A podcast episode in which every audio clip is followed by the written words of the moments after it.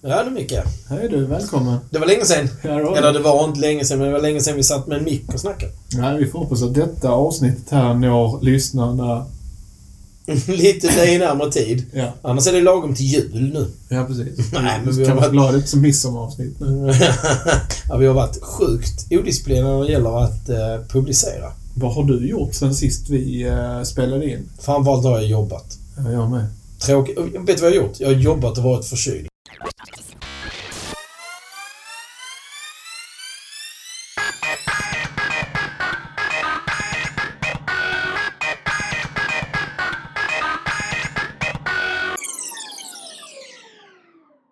Och jag har köpt cykel. Landsväg. Ja. Oj, oj, berätta. Hur gick det? Eh, jo, men det var så här att eh, vi ska ju eh, köra det här beryktade Billingen-racet. Sen efter det så kommer ju eh, En vår och sommar kommer. Precis, och jag hade ju för avsikt att jag skulle börja cykelpendla. Enkel resa, fem mil till jobbet.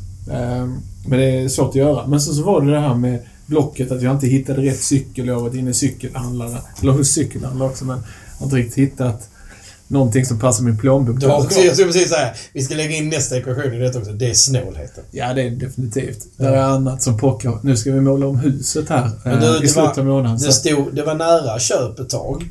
Och så höll vi på att smsa lite rätt intensivt. Jo, men sen- något. Så var det någonting som hände. säljaren vägrade eh, sälja till, till rätt kurs. Ja, det- Men jag tänkte så här. Du och jag hade en, en, en eh, intensiv sms-diskussion i alla fall.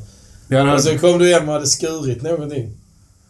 ja, Trodde du. Nej, jag kom hem efter jobb en gång och så... Eh, detta är bara några veckor sedan. Det är tre veckor sedan nu på söndag. Eller på lördag. Eh, och då hörde jag på baksidan av huset. Jag har precis satt igång eh, pumpen till poolen och sen så visade det sig att jag hade lagt... Där, där finns olika lägen och då hade jag lagt ett waste-läge under en hel dag. Så att poolpumpen hade dragit ut allt vatten och så hade den gått tom då under, säg 8-9 timmar. Så att då kan man säga att jag kastade yxan i sjön direkt. Då trodde jag nu, har den skru- nu är den körd. Och jag började googla och en poolpump med rätt effekt kostar lika mycket som en så bara, jag bara, alltså, slutet på det smset som får sammanfatta det. Denna fadäs gjorde beslutsprocessen enkel vad gäller cykel. Livet är ingen jävla dans. och, sen, och sen frågar jag dig, betyder på att den är skuren? Att den låter som en mekanisk tonåring i målbrottet? Sen visade det sig att pumpen var inte skuren. Nej, jag fyllde ju upp den där poolen igen under, eh, under kvällen. Så fick jag igång när det började puttra. Och då gick jag och köpte en cykel dagen efter. Jävlar, innan pumpen skär igen gäller det att ha köpt en cykel. Vad blev det för cykel, Micke? Ja, då blev det en Scott CR1 och då hittade jag en kille som eh, hade fått ryggskott eller någonting som ville bli av med en cykel som var ett år gammal. I Lund, eh, i professorstaden, så då tog jag kontakt med honom. Ja, så frågade jag hur långt han hade gått och så "Nej, jag vet inte, jag har inte cyklat Så på långt sa har gått ingen bil, sa Det lite så. Ja. Eh, så, eh, nej, det fanns mycket roligt där i den historien. Men eh, summerat, jag har faktiskt köpt en landsväg nu och varit ute en gång med det. Och den är som ny. Man kan säga för er som är lite mer känsliga för den nördiga cykling så har den Dork-disken kvar. Ja, det har den. Mm. Så den- den är ju fan inte incyklad helt. Nej, den försökte jag klippa bort bara för att den ska se jag sa lite... ju till dig att du skulle låta bli det där plocka av kassetten och Ja, vi får göra det. Jag, jag hjälper dig med Ja, det, Jag göra lovar. Det. Det ska jag hjälpa dig med. Men Mm. eh, har det blivit mycket cyklat på den då? Ja, det var precis. Jag sa ju det precis. Och det har blivit... Eh, Har du cyklat en gång till sen? Efter två, två, och två och en halv mil totalt. så det är ungefär... Detta är ju... eh, Och då hade du ändå, då hade du rätt så fyllig kille att ta rygg på i motvinden. Ja, ja, precis. Så det borde inte vara jobbigt menar du då? Nej, det var nog en lätt runda. Men... Nej, jag skulle säga det att detta är tredje landsvägscykeln på tio år. Eh, och de andra två har ju också varit? Men nu har jag faktiskt... Jag har ju fattat tycke för detta. Så jag kommer nog cykla mer på denna cykel. Ja, dessutom har du det här med, om vi ska ta det på en lite seriös not här.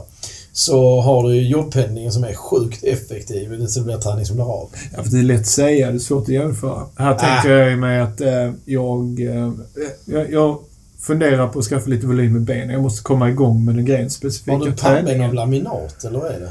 Jag skulle nog kalla det mer som en knäckebröd.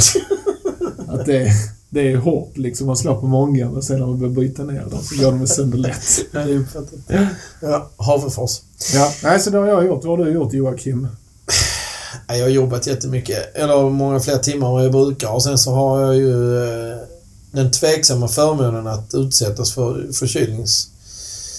virus och bakterier i, i ohämmad eh, version för mina barn. Så att eh, sen februari känner jag väl februari var dåligt och det har faktiskt inte varit bra sen dess. Så att jag har varit, jag har haft eh, korta perioder med friskhet och sen perioder med förkylning och då kan man liksom få ingen riktig träning, det blir sådär halvt. Så det har inte varit någon riktig flyt på det där.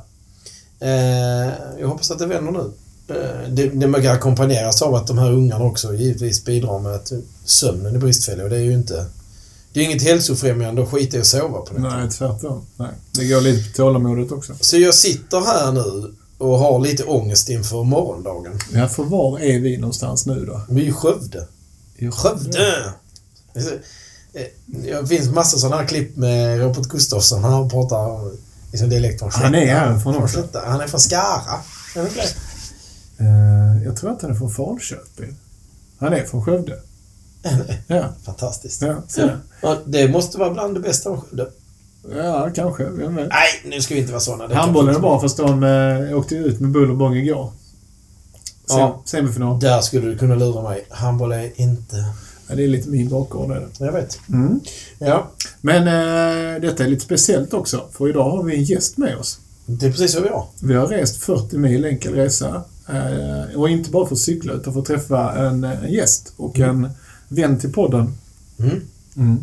Eh, och eh, vi har haft kontakt ända sedan i december månad faktiskt. Det är en emotsedd gäst vi pratar om. Ja, definitivt Ja. Eh, och den här kontakten den fick vi... Eh, först var det beröm för podden och det var vi extremt glada Det får vi inte så mycket av, så den har vi, Ja. den har vi skrivit ut, ramat in och den sitter på... Eh, där man kommer in hemma hos både mig och Micke så sitter den så att besökare ser den direkt. Ja, precis. Ja. Ja. Eh, och det var väldigt kul för att då hade vi eh, en, eh, en eftermiddag, ett samtal också i bilen, jag och vår gäst Per, och, eh, som höll mellan eh, Nacka och Nyköping. Det är 10 mil för de som inte känt till detta. Det var en timmes samtal där, lite drygt. Eh, så idag så ska vi träffa, eller prata med eh, en kille som heter Per Alfredsson, som eh, är här från, eh, från Slätta och jobbar eh, inom cykelbranschen och verkar för ett varumärke, bland annat. Så välkommen Per! Tack. Tack, tack. Ja.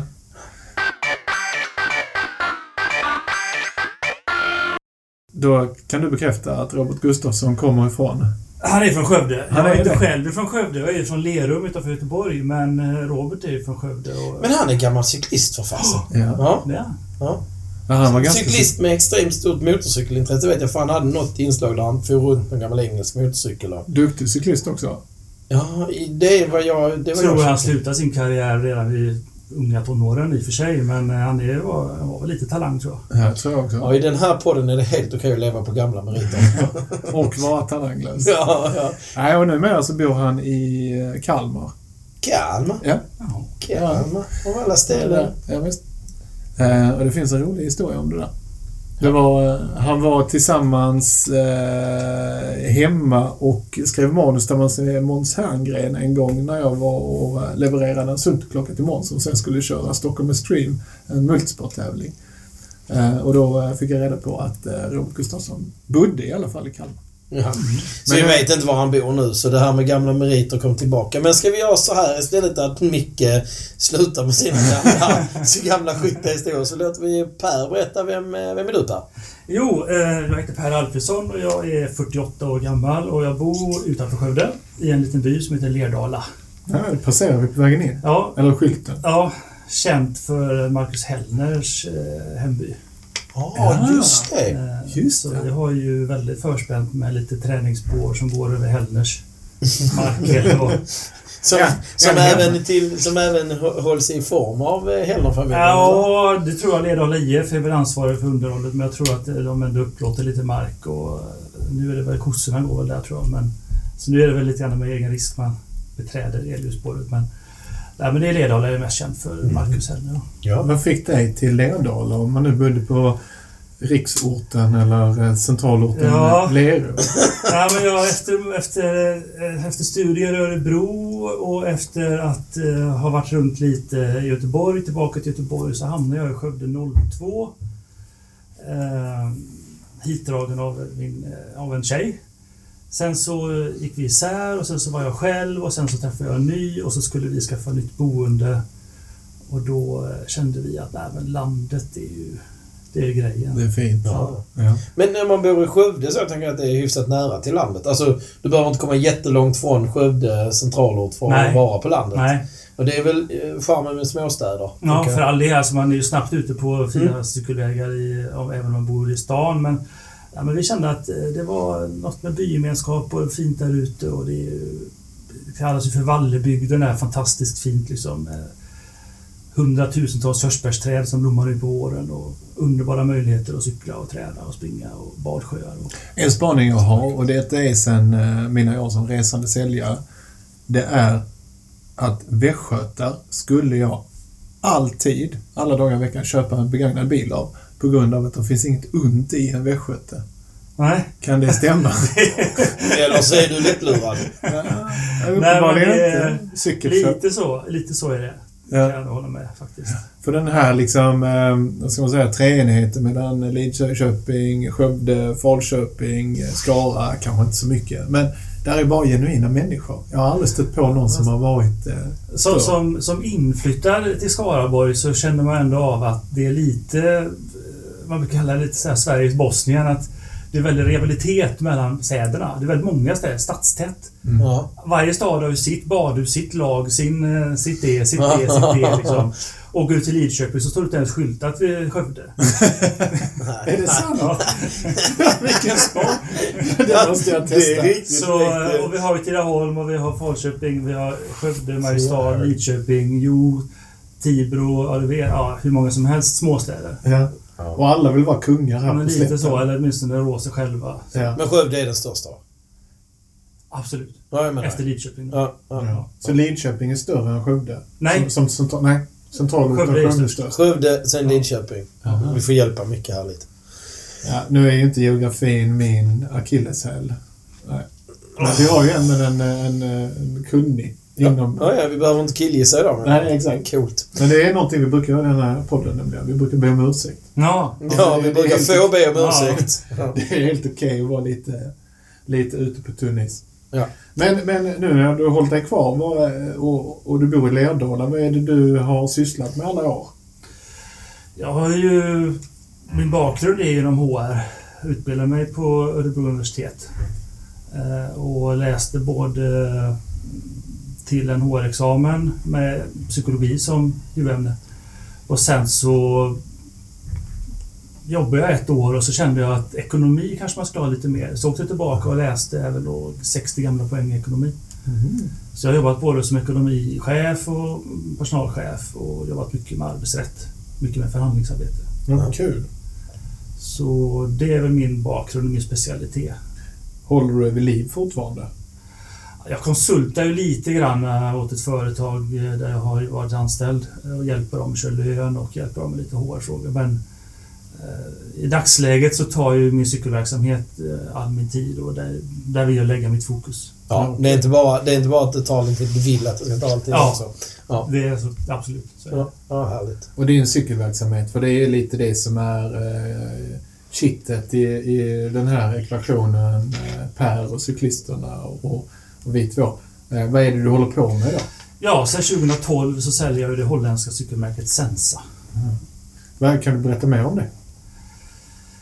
Själva märket är väl så vitt jag vet Hollands största. Eh, De har hållit på sedan 1990 tror jag.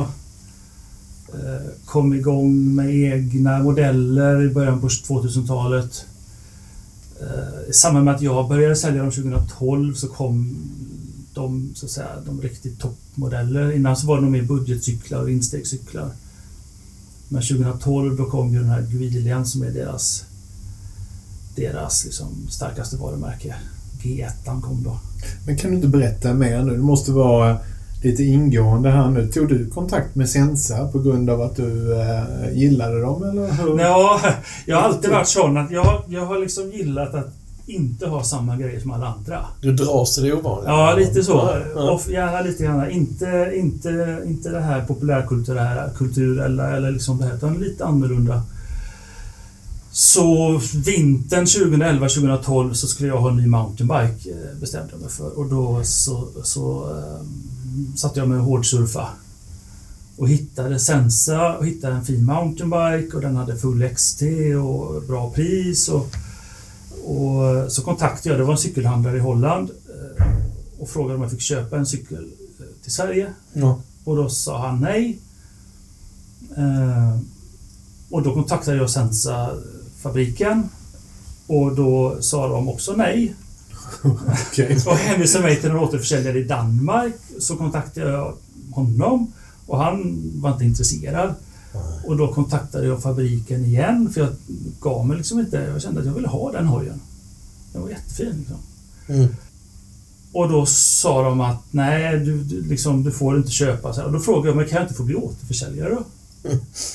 Vilket var en tanke som hade grott lite. Jag har gått och tänkt på det en tid innan att det skulle... Ja, innan du hittar Sensa till och Ja, med, eller? så. Jag tänker att det kanske liksom kom också med det dåliga Ja, bemötandet, ja, att det inte gick. Stort intresse för träning, stort intresse för cykel. Jag hade liksom kunskaperna att eh, sköta ett företag. Jag hade lite sparkapital så jag kunde liksom putta in. Eh, Köpa ett sortiment. Ja, eller liksom kunna drifta en firma så man får snurr, liksom kunna, kunna betala en leverantör och liksom kanske ändå vänta på pengar från kunder och så här. Och satsa på marknadsföring i, i framkant och inte bara liksom, kunna satsa lite. Mm. Och efter mycket diskussion om och men så fick jag chansen av Sensa att börja sälja. Vad, var, vad, vad, vad rörde sig diskussionen om? Vad hade Sensa liksom för... eh, Det var ju ganska nytt om internethandel och de är ju inget nätmärke, de är ett cykelhandelmärke i Holland. ja, Och har hundratals återförsäljare. ja, Så för dem var det liksom att spräcka en mental barriär att eh, ha en återförsäljare i Sverige som bara eh, nyttjar nätet då, ja. som säljkanal. Eh, samtidigt så tror jag de kunde se att deras återförsäljare i Holland började liksom växa med nätbutiker också i kombination med fysiska butiker. Så att jag, jag kom liksom ganska tidigt men ändå lite rätt i tiden. Och... Eh, nej men de sa att du får väl en chans då. Och, och eh, jag behövde inte ha något lager av cyklar utan jag kunde ta hem bara sålda cyklar. Okej.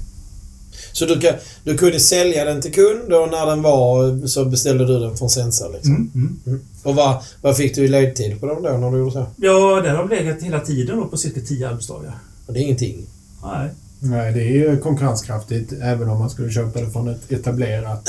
Jag tror faktiskt inte att om du köper hem det från ett e-handlarkonto att du får hem en cykel snabbare för det är fortfarande en cykellåda. Ja. Alltså det, det tar tid att få hem en. Det är inte, det är inte next day return. Det ska du inte tro att det är. Men du Per, hur går det till då? Eh, Förlåt att vi går in på detaljer och så här, men om jag beställer en cykel, beställer jag den via någon svensk hemsida då? Ja. Det gör jag. Sensabikes.se. Ja, okej. Så då, då finns, du, äger, du har domänen för Ja, det? ja. Det är bra. Och då levereras den eh, direkt hem till mig då i Furulund, eller? Nej, inte direkt. Det hade ju varit bra på ett sätt. Eh, Men enligt mitt återförsäljaravtal så måste jag göra en leveransservice. Ja, okej. Och det innebär? Ehm, Det största operationen som görs är att vi kapar eh, gaffelröret och sätter distanserna mellan ram och styrstam. Eh, Utifrån kundens önskemål. Då. Mm. För den är rålängd när Det är du får den. den, ja. De vill Ja. inte kapa... Dels är det ju... eh, all- Racercyklarna har ju gaffelrör i karbon och de vill inte hålla på och kapa det i fabriken. Och mountainbiken har ju aluminium än så länge. Och de, ja. Så den operationen görs i Sverige och sen så är det dubbelkoll.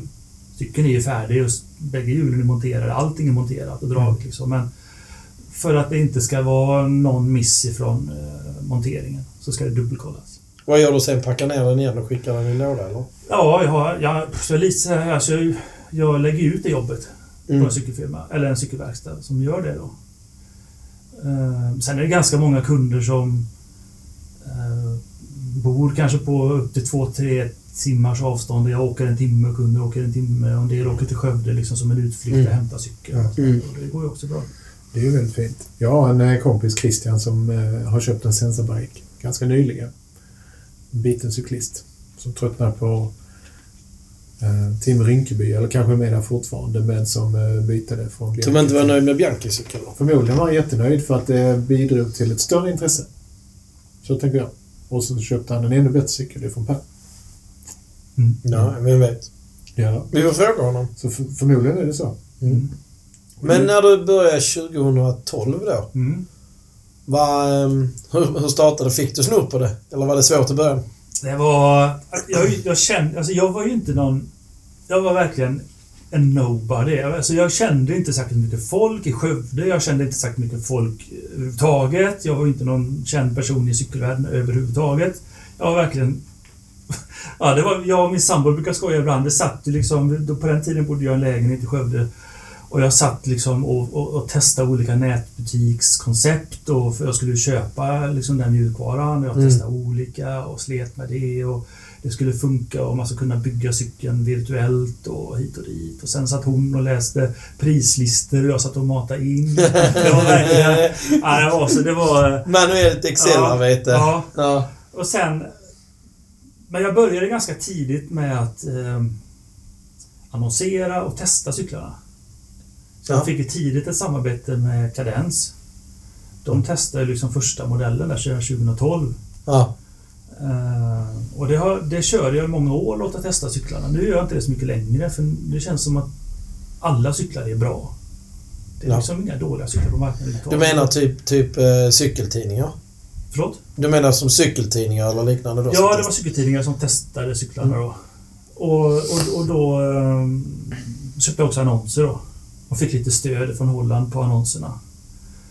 Och banners och lite sådär. Så det var ganska mycket sånt. Och sen eh, så vart det ju, jag tror jag sålde 30-40 cyklar första året. Ja. Vilket var långt över vad jag trodde och långt mer än vad Sensa trodde. Så sen har det bara rullat på. Men man... Alltså det, jag är ju fortfarande kanske en av Sveriges minsta aktörer, men jag är ju ensam om att ha liksom ett märke, alla modeller, alla storlekar. Jag har ju ingen lager. Jag, jag är inte i behov av att sälja en viss cykel. Nej. Nej men, och det kan vara en jävla styrka där, där andra sätter sig med ett visst lager och så står med en large hemma men en, en kund som är medium och så vet du själv vad du nej, Jag står Ja. med den där jag behöver bli av med den. Ja. Och det blir ingen nöjd kund.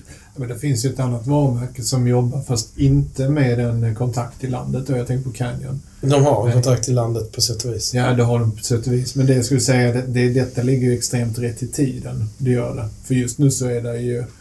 Det, är ju liksom, det handlar ju inte om ett varumärke som, som längre ska försöka bredda sin distribution, utan tvärtom. Här Men alltså- försöker man liksom blidka sin, eh, sin distribution för eh, konsumenter. Och, och liksom, slaget är om konsumenter idag.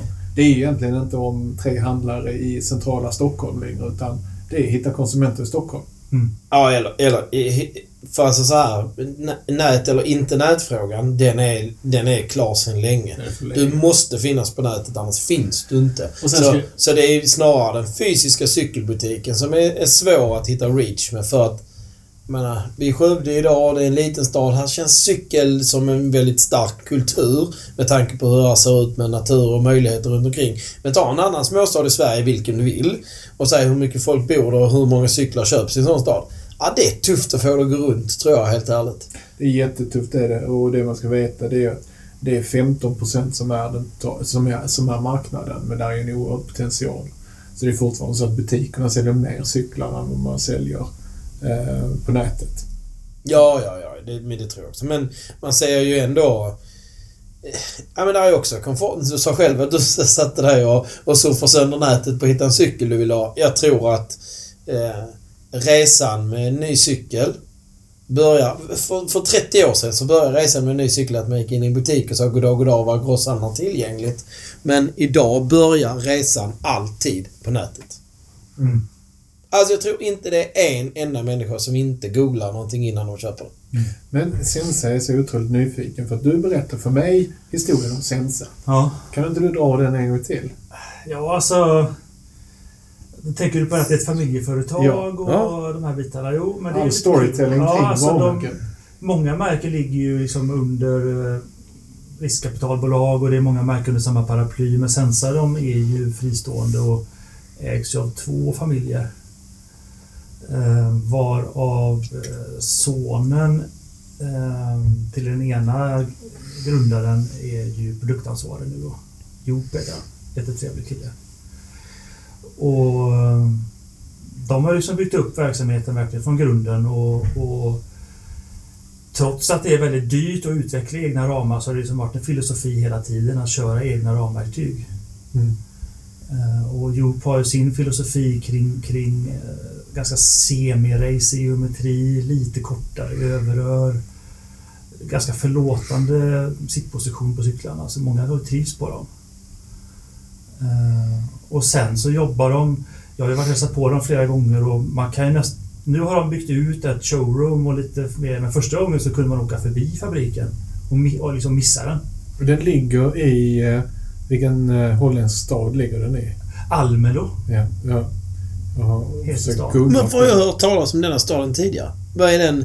Vi kom fram till, du visste ju vad Skövde var och Lerdala har känt för. Vad, vad är det känt för? Varför har jag hört det här? Ligger det på, är det liksom är det cykelbil så att man har hört i någon cykeltävling eller något? Eh, inte så vitt jag vet. Amstel Gold Race och de här går ju i andra änden av Holland. Eh, så att, men det är ju, hela Holland är ju cykeltokigt. Men, Ja. men eh, de har ju numera något fotbollslag i högsta ligan. Men annars så... Så intresserad är inte jag av fotboll. Nej. Det är inte anledningen. och jag har inte hört talas om Almelo annars och det är ingen rolig, st- ingen rolig stad faktiskt. Nej, nej, nej. Det, Skövde är mycket bättre. ja, nej, men det är ju... Själva stan är ju lite så här mycket betonghus och Ja. så här. Men det här med att det är familjefirma. Jag jobbar ju faktiskt på, till vardags på en firma som också är familjeägd.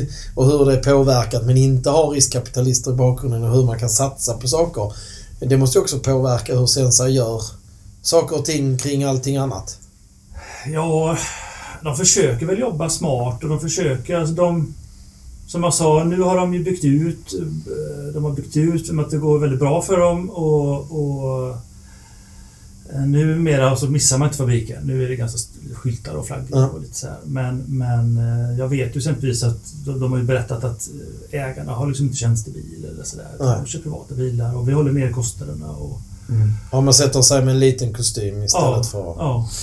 Men det står, jag tänker så, jag blev så... eh, När, vi, när du kontaktade oss där, diskuterat, så kollar man givetvis var kommer han ifrån, vad är det för en? Så efter man gjort den eh, klassiska Facebook-sökningen för att kolla vem den är, så blev det nästa att, att eh, googla upp anledningen till att du hörde av dig och det blir cyklarna. Men då så står det Handbuilt in Netherlands eller Handbuilt in Holland. ja. Vad är, är allting på cykeln tillverkat i Holland? eller? Nej, nej. Nej. Eh, ramverktygen ligger på Taiwan. Ja, som alla andra. Ja. Det finns, väl, det finns väl knappt någon som bygger cyklar utanför Taiwan idag? En del flyttar ju till fastlandet. eh, Har man ju förstått. Eh, Ja, Kina då menar du? Ja. ja. ja, precis. Men eh, så vitt jag vet så ligger deras ramverktyg på Taiwan. Och, men annars är ju själva cykeln eh, byggs ju i fabriken. Ja, Så ramen åker till Holland och i Holland sätter man ihop resten och där har man också någon quality check på ramen då eller? Ja. Mm. Och sen har de ju då några varianter som lackas i Holland. Eh, och då, det är de här Project Paint-cyklarna.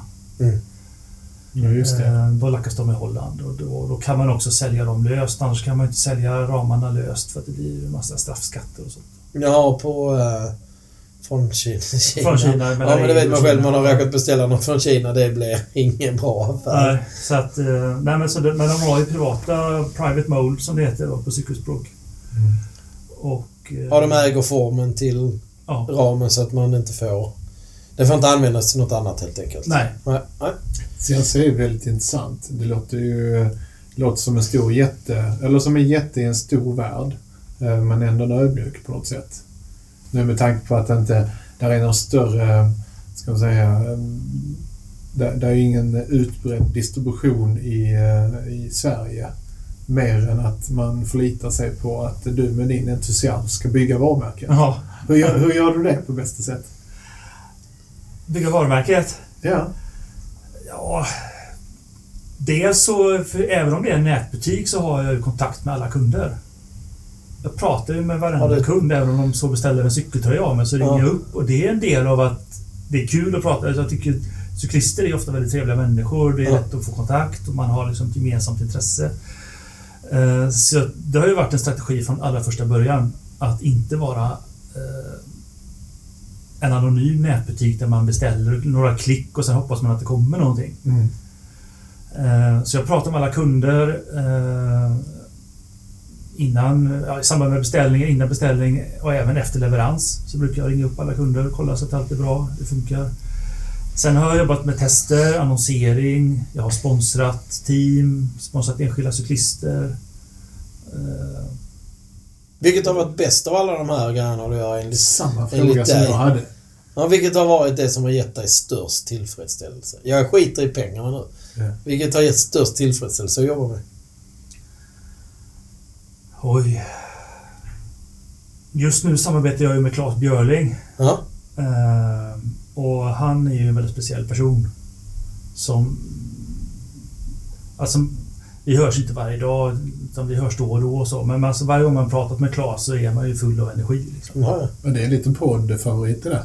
Claes Björling. Klas Björling är allt jag har. Allt jag har sett och hört. Jag har precis samma intryck. Allt jag har sett och hört med Klas har jag till och med läst. Till och med när man läser intervjuer med honom Ja. så känner man energin. Jag håller med dig helt och hållet. Och för er som inte känner till Klas Björling är han ju triatlet. Ja. Av eh, dynghög dignitet skulle jag säga. ja, nu är han age-groupare men han har ju varit eh, väldigt, väldigt duktig. Extremt duktig. Ja. Men det är ett bra val av ambassadör.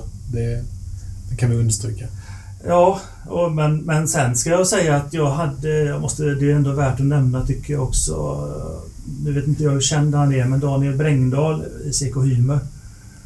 Eh, han, eh, han, han gör ju mer sin, sin grej. Han är inte jätteoffentlig på sociala medier och så, men när man snackar med honom så är det, är det lite samma känsla. Fy fasen. Mm. Jobba heltid, träna typ 500 timmar per år. Och så jäkla stark liksom. Ja. Det är där man vill vara själv, men man är inte i närheten. ja 500 timmar om året. Men på pappret är vi rätt duktiga. På 500 timmar på året? Ja, Ja. hade jag tränat 500 timmar Jag har kapacitet att göra ett schema för 500 timmar per år. Ja. Nej, jag kommer inte klara det. det är, det är beundransvärt faktiskt. Nej, det är coolt som fasen är det. Eh, när det kommer till um, um, övrig annonsering så jobbar du då med eh, sociala medier, eller? Absolut. Alltså det är eh, Facebook, Instagram eh, jobbar jag med. Men jag försöker också vara lite återhållsam. Det är lätt att lägga ut bilder varje dag och hit och dit. Men jag försöker att inte trötta ut folk utan det ska vara... Jag ska komma över någon bild som är helst tagen liksom i, en, i en verklig miljö. Eftersom Ja, ja. alla studiobilderna som jag har på hemsidan de... de eh, Ja, men de blir snabbt tråkiga för, lite för så. följare. Ja, men, man men kan inte köra dem i sociala medier. du har kört rätt mycket kundbilder, säger jag. Ja, Jag, får ganska mycket kundbilder. Ja. Eh, Så det är de jag försöker lägga ut och sen får jag bilder från Holland och lite så här. Nu, ska jag, nu kommer jag eh, lägga lite neg- negativa vibbar på ett annat märke, men det tänker jag leva med. Jag står för dem, det är någon som undrar. Men eh, du får ganska mycket bilder, säger du. Hur många bilder tror du Michael Senior får på spe- Specialized-cyklar? Men det, nu pratar vi om ägaren på Ja, Specialized. men, men, i och för sig, Per han är också ägare. han äger väl agenturen i Sverige? Ja, det gör Eh, han. Hur många bilder tror du Micke Senior får på Jag tror han får kanske ifrån sina konsumenter noll. Exakt. Ja, det, det tyder på... Det var det här svaret jag var ute Ja. efter. Så du får mycket ägarbilder och Specialized som är en jätte får noll. Det säger en hel del om dina köpare. Ja, jag är lite mer lättillgänglig kanske. Han är. Nej då. Michael Senior har en mail han också. Okej, ja. Det är inga problem. Ja, Det har jag lärt mig. Alla har en mailadress. Ja, jo. Det är framförallt i Danmark. Där måste man ha en nämligen. Måste man ha mailadress i Danmark? Det är ju hela historien med Postnord. Jaha. Alltså Ah, Postnord ja, ja, är ja, såklart. fuckat för att det var väl eh, Svenska nyheter som körde va? Ja. Eh, man blev tvingad att ha en e-mail så att man kunde få myndighetsmail i Danmark. Och sen gick posten och danska posten ihop. Och så fanns det ingen business att göra på de vanligaste... Vad får du idag? Räkningar, knappt det. Och myndighetsmail. Det är det du får. Eller myndighetspost. Så... Eh, duktigt sidospår, men eh, det säger ändå mycket om dina kunder att du får bilder på cyklarna. Jag tror, jag tror de cyklar på sina Jag bara känsla jag har och jag kan ha helt fel. Men de cyklar på sina cyklar med en annan stolthet. Jag har ju hört lite att de, om två sämsta cyklister träffas på en tävling som- och de inte känner varandra så hälsar de på varandra. Och det Det- hoppas jag stämmer. Det är Jag ju tror det. Jag tror Det det. var häftigt. Ja, men det är som att vara utomlands. Om man stött på någon i... En svensk. Ja. Nej, men om man stött på någon i Australien, där förmodligen väldigt många svenskar befinner sig alltid. Så helt plötsligt så blir man kompisar för att språket Ja. binder samman. Detta är i och för sig jäkligt häftigt. Ja, men det är lite stolthet. Precis Ja, som du var tycker- inne på Per. Köper man en sån här fin cykel så är man stolt. Eh, inte på samma sätt som om man skulle få en cykel. Fast det är också lite vi är inne på Pers eget val och sensa. Nu sitter vi här och gör någon form av makroanalys, psykologiska makroanalyser på folk. Men, men alltså, eh, letar man upp Sensa, för det är fortfarande inte lika lättillgängligt som Trek eller Specialized eller de andra märkena. Absolut inte. Letar man upp en cykel som Sensa, då är det är lite så. Då vill man lite mer.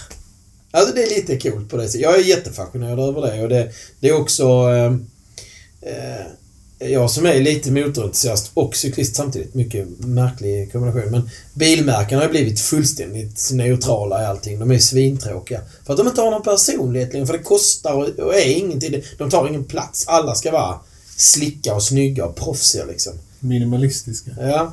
Och värst är de med Audi. Eh, men, eh, ja, men de är helt, jag vet inte, könslösa, identitetslösa liksom. Här kommer ett märke som har väldigt mycket identitet. Känner jag att luften börjar ta slut här nu lite. Nu ska vi återkomma, nu ska vi återgå till spåret. Din, din typiska arbetsdag eller arbetsvecka med Sensa. Du vill ju inte veta hur många cyklar du säljer, men du jobbar med eh, ekonomi, marknadsföring, försäljning. Ja. Jag, är, jag gör allt kan man säga. Du har- Förutom att jag meckar inte med cyklarna då, men, eh, men eh, jag sköter allt. I öppettider är det endast slagen av ICA Maxi typ. Du har 8 till 22 står Ja. på hemsidan. Jag reagerar Du, jag kan säga folk kan ibland messa halv elva på kvällen. Ja, ja, Lördag kväll och svarar då med jag faktiskt. Det, ja, men jag, det, det är ju på något sätt det är det ju en hobbyfirma eller entusiastfirma. Ja, det är ditt liv lite grann. Ja. Så att eh, jag har ju liksom medvetet valt att, så säga, pensionera mig från 8 till 5 jobb och så köra det här. Och kör 8 till 22 Ja, istället. nej. det är många timmar där jag inte jobbar också kan jag säga. ja, det kan jag tänka mig. Det, det, är inte, det är absolut inget heltidsarbete, det är det inte. Det finns, en- när du säger att det är många timmar du inte jobbar så kommer en fråga upp väldigt, väldigt eh, snabbt till mig. Cyklar du mycket? Jag, syftar, jag cyklar ofta. Det ja, det är bra. Ja, okej. det hade jag gärna. Jag hade Ja. gärna cyklat ofta. Så länge som Och folk så, jag är lite solskenscyklist. Det ska vara helst eh, liksom hyfsat stabilt väder och så här. Men jag, har, Vindstilla 22 grader. Ja, solen helst. precis rätt Helst. vinkel så den inte bländar. jag försöker ju träna 200 pass om året. Eh, Ja, det är ambitiöst. med löpning lite också då. Ja. Och lite uh, inomhuscykel och lite sådana så. Men, men jag är ju absolut ingen elit överhuvudtaget. 200 pass om året. Jag är bara ren reflektion. brukar säga att man har 210 säljdagar på ett år om man jobbar med försäljning. Det är fem dagar i veckan i stort sett. Ja, det är det. Ja, eller fyra då. Om det är 50 veckor på ett år. Ja, det är rätt. Men eh, det jag skulle komma till är, vad, fin- vad är, är det någonting i din pipeline som finns att utveckla eller har du valt att förvalta Sensa? Hur ser du dig själv? Oj. Sist jag var nere och hälsade på dem så tog vi upp det här spåret om jag skulle hitta återförsäljare. Eh, och, och bli mer av en, av en agent då. Men... Eh, och jag såg ju det som en möjlig utveckling att öka volymen.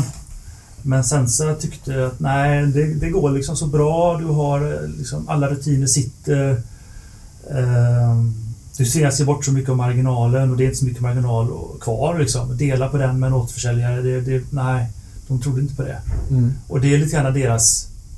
Man säger deras koncept är ju att inte ha några generalagenter. Ja. Så att säga, det finns ju ingen i Holland. Utan alla... De är sin egen generalagent. Ja, det kan man säga. Så att Ja. alla återförsäljare håller jag beställer direkt från fabriken. Mm. Och likadant är det med, med Belgien och Tyskland och Frankrike och Portugal och lite så här. Så att de jobbar liksom ett led mindre Ja. mellan sig själv och kunden.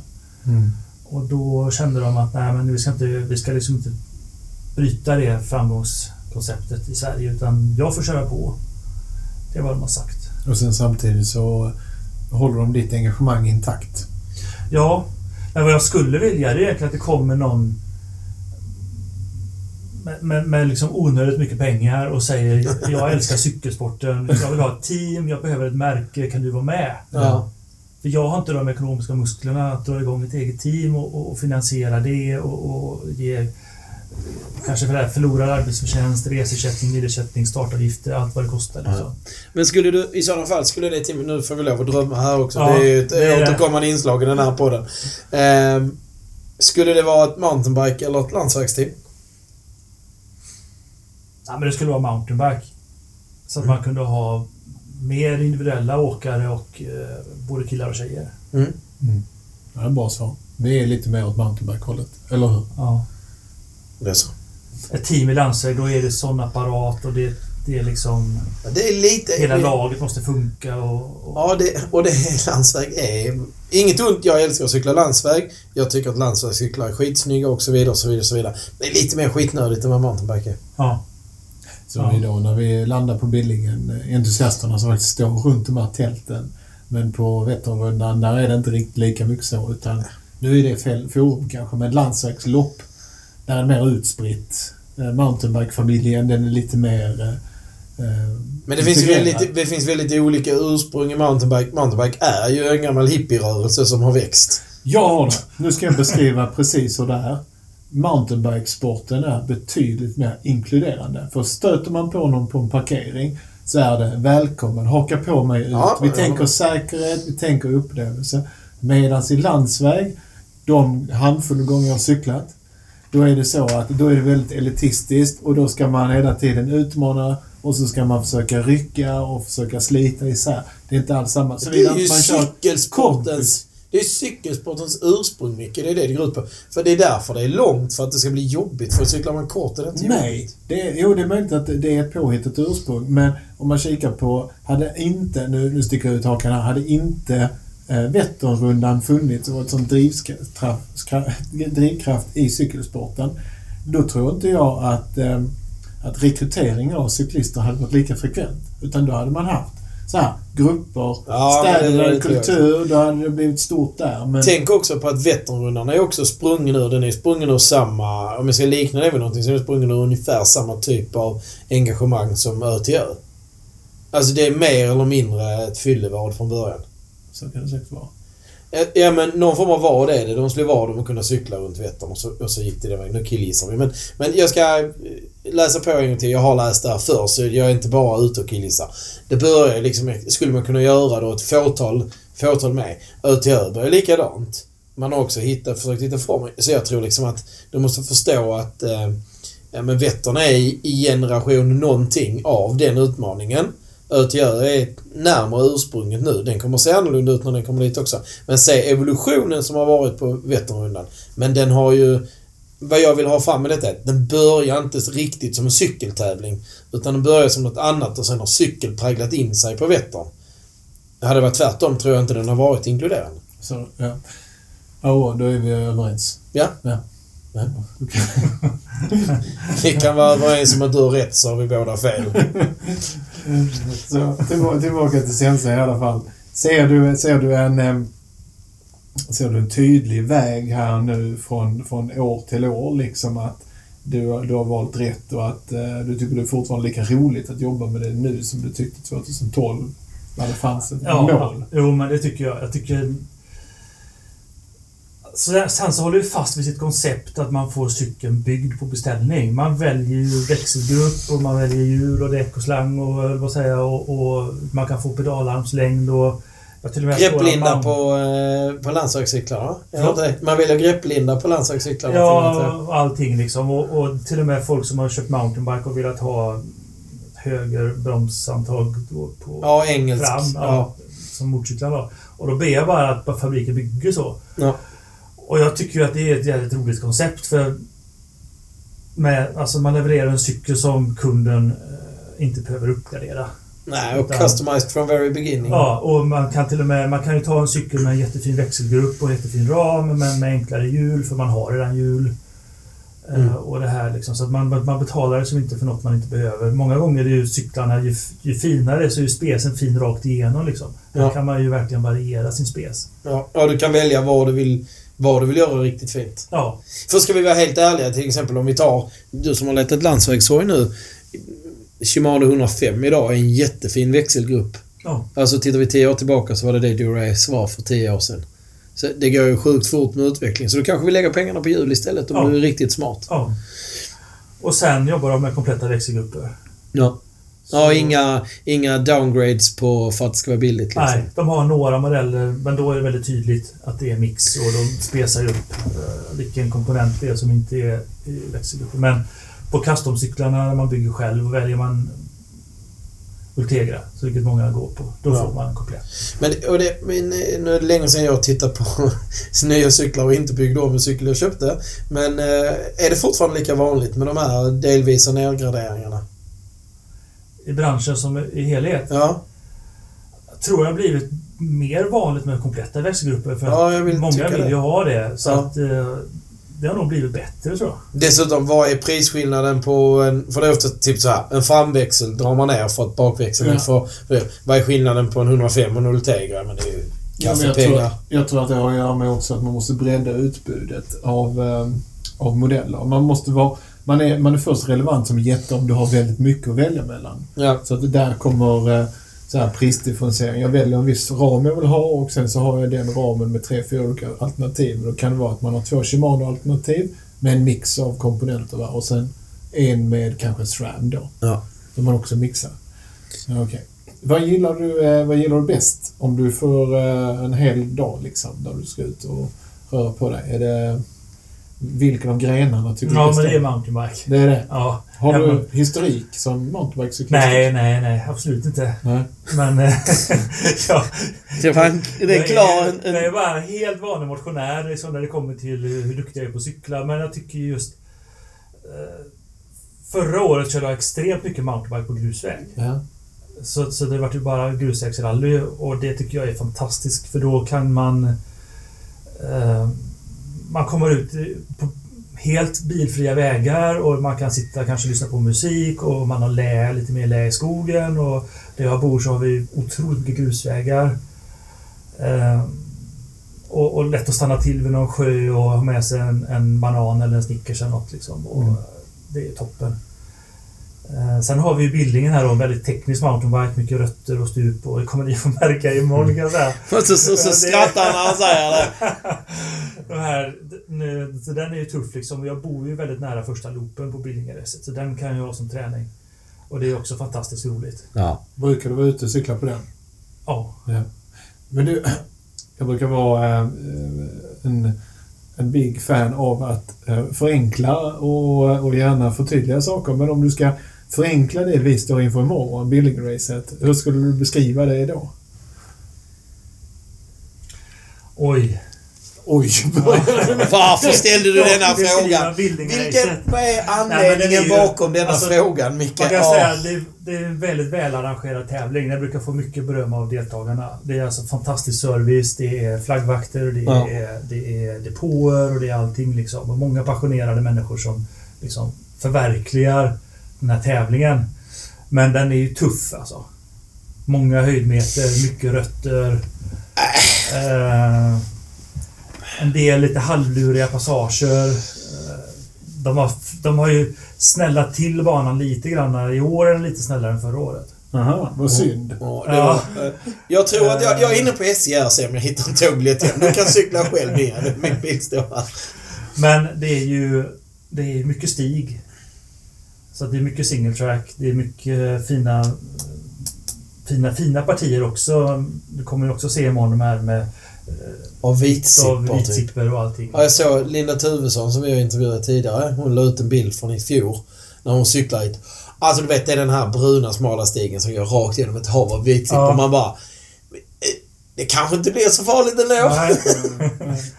Ja, det är så, Så-. Man ska bara orka njuta mitt i vad som i övrigt kommer att vara en svår misär för Joakim Jönsson. Men jag är, jag, jag är ju Jag, jag föredrar de kortare varianterna på de här långloppen. Jag- Okej. Jag, om jag skulle köra hela Billingerätt, vilket jag har gjort någon gång, då är inte jag människa liksom på eh, en vecka. Nej. För jag tar liksom slut. Ja, ja, det, är nog, det är nog risken att det är samma för herrarna. Så jag, jag har ju liksom kört de här fyra, femmilsvarianterna. Ja. Och delvis för att jag blir slut om det är långt och dels för att jag har liksom en, en knäskada sen gammalt. Så att mitt knä tål inte egentligen sträckor över 10 mil landsväg eller så här. Cykelvasan är liksom det längsta jag kör i stort sett. Ja, cykel, och Cykelvasan.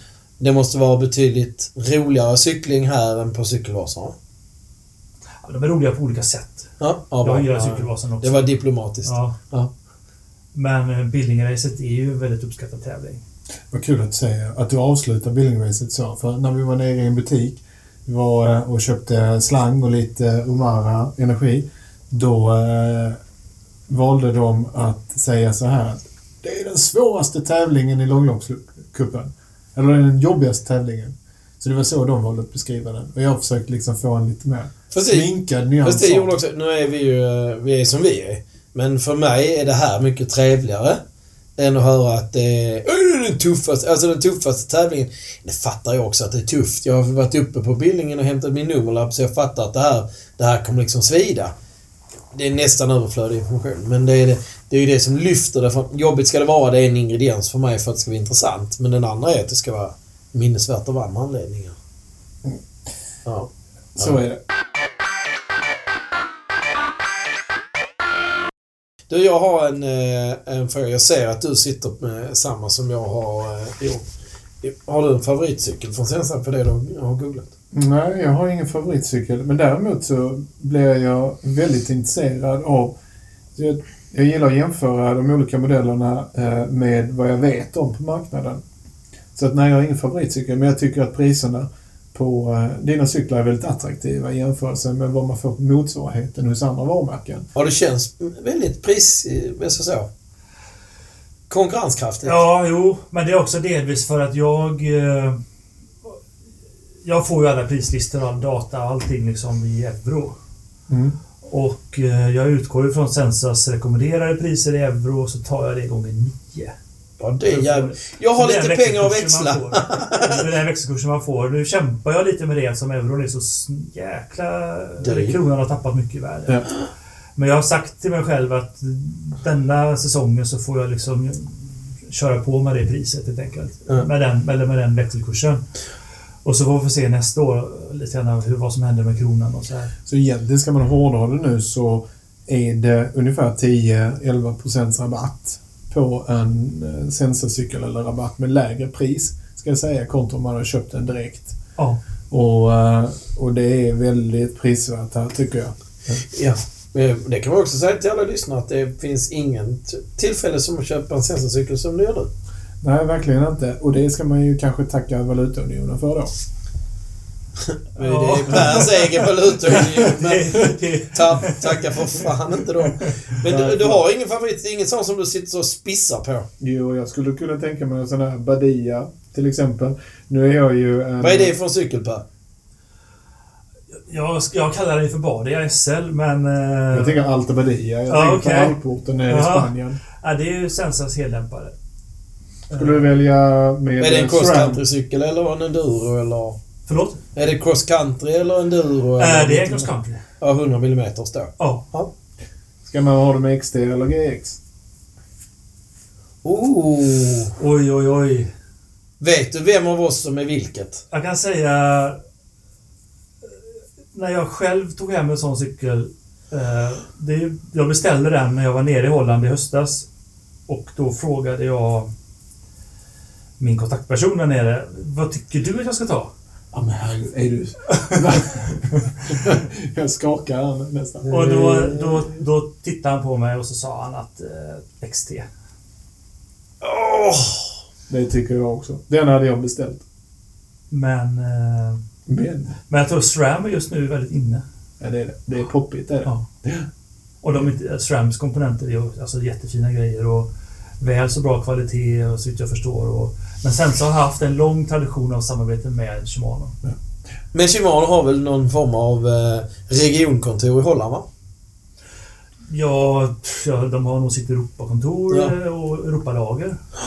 Ja, det är inte så konstigt. Man hör i alla fall att de bryter, de bryter på... Nej, det är Schramm är väl amerikanskt eller vad det nu är.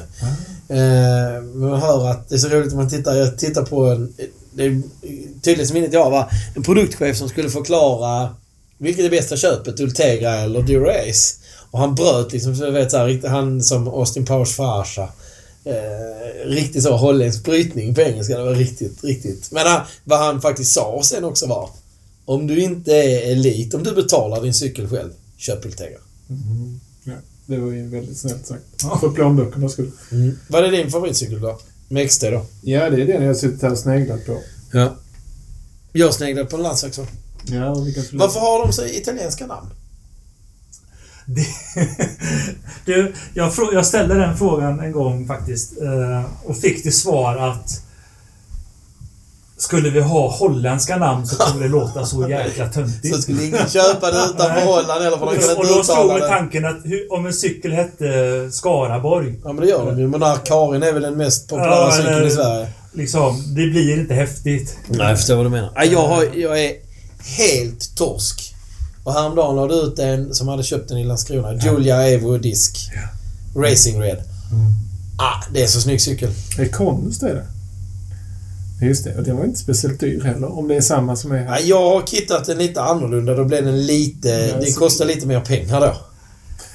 Men är det fortfarande så? Jag har kittat den... Jag är prylnörd så jag kan eh, berätta. Jag har kittat den med de feta hjulen. Det vill säga 58 eh, hjulen. Eh, med eh, Ultegra DE2. Och med kolfibercockpit. Jag kommer lägga ut sen på uh, summeringen av det här avsnittet uh, min favorithoj i alla fall. Jag ska försöka beskriva varför jag gillar den också. Ja, jag kan beskriva varför jag gillar den också. Men det kan jag göra nu för att den har så sjukt snygga linjer. Ja. Och, eh, och sen är det någonting med aerohojar som är... Jag bara, det får igång mina, mina cylindrar helt och hållet. Men den blir fortfarande, eh, om vi pratar pris, är fortfarande mycket konkurrenskraftig. Tyvärr är den slutsåld i 53. Så synd. Men Ja. den kommer säkert tillverkas i fler 53 Det beskedet jag fått är att den är slut och att de här blåa och röda och lite andra färger, de kör dem som limited. Och det är egentligen också, jag frågar varför? Ja, men det är för att då kan vi ju byta färg mitt i säsongen om det är någon som säljer jäkligt dåligt. Ja.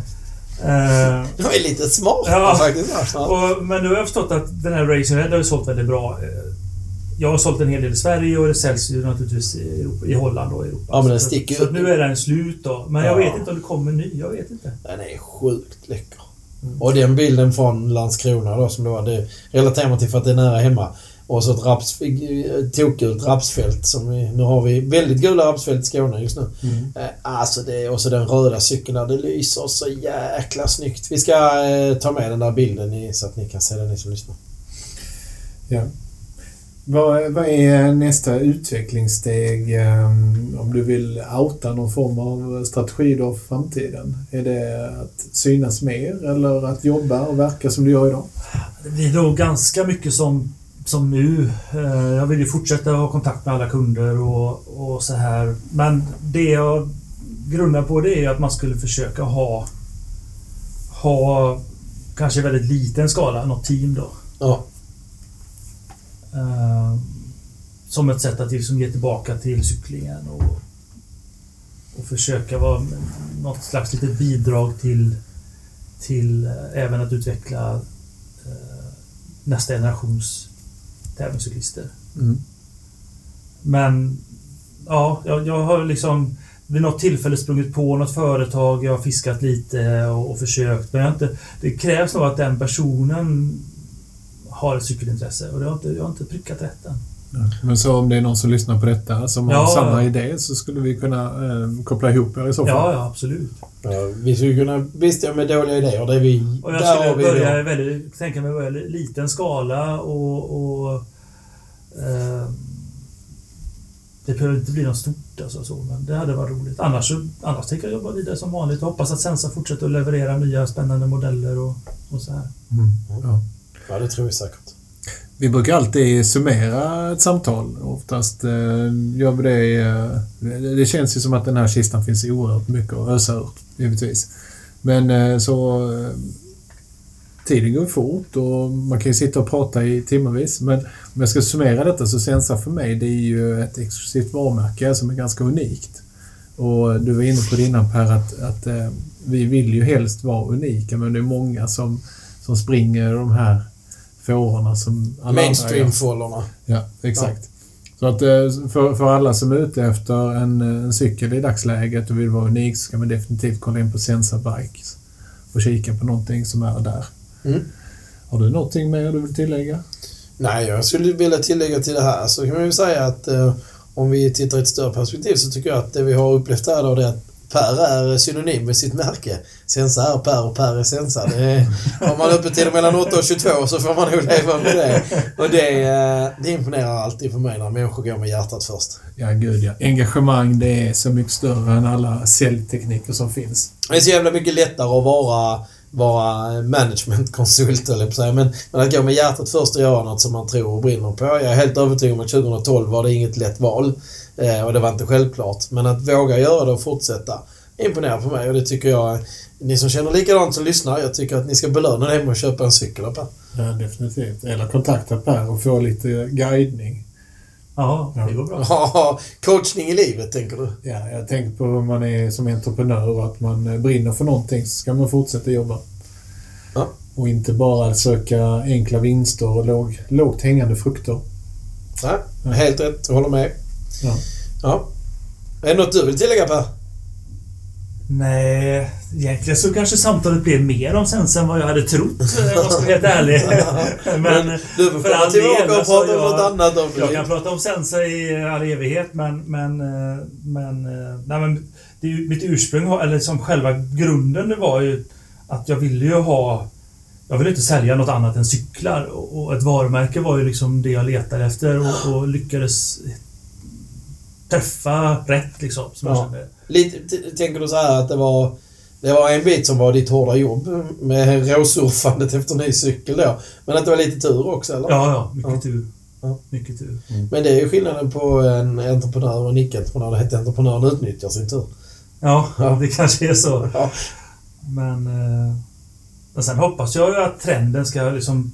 Cykelintresset var ju i, i, sin, upp, i sin uppgång 2012 om man säger, kanske något år innan. Ja. Nu har det ju exploderat liksom. ja. Otroligt mycket folk som cyklar. Mm. Och det är, otro, det är jätteroligt för det är en fantastisk fantastisk träningsform. Ja, men det, jag tror faktiskt att eh, framförallt när det gäller träningsform, men även om vi pratar penning, vi har pratat elcyklar och sånt där tidigare avsnitt.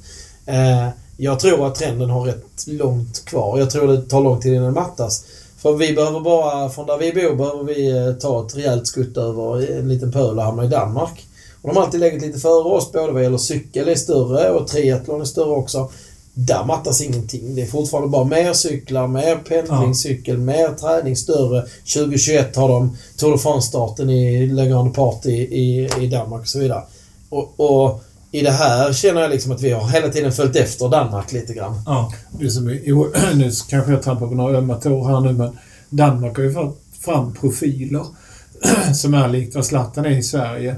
Så jag tänker på Bjarne Riis till exempel. Och, Ja, och även precis med Rasmussen och... och, eh, och där har ju profilerna blivit ikoner. I Sverige så är det inte riktigt på samma sätt. Det är Emma Johansson och vi pratar... Eh, Fast det var ju till exempel på väg att bli mycket av Loreen. Jenny Rissveds och så, och så blev det inte va. Förstår du vad jag menar? Det, eh, det ska vara någon som kan, kan vara bra av att bära det där också. Det kanske... eh, ja men här är det med mig. liksom folkrörelsen att loppen är någonting som bidrar väldigt mycket till Ja, intresse. men där är danskarna så du vet väl själv att cykla H12 och Yes, men där bidrar ju också eh, profiler Ja, till men- rekrytering. Det är i, bredd idrott föder topp och topp föder bredd. Alltså Ja. det, det hänger ihop någonstans. Men här har vi det mångt och mycket bredd. Det är väldigt intressant vad det gör för utvecklingen av cykelsport och, och cykelköp.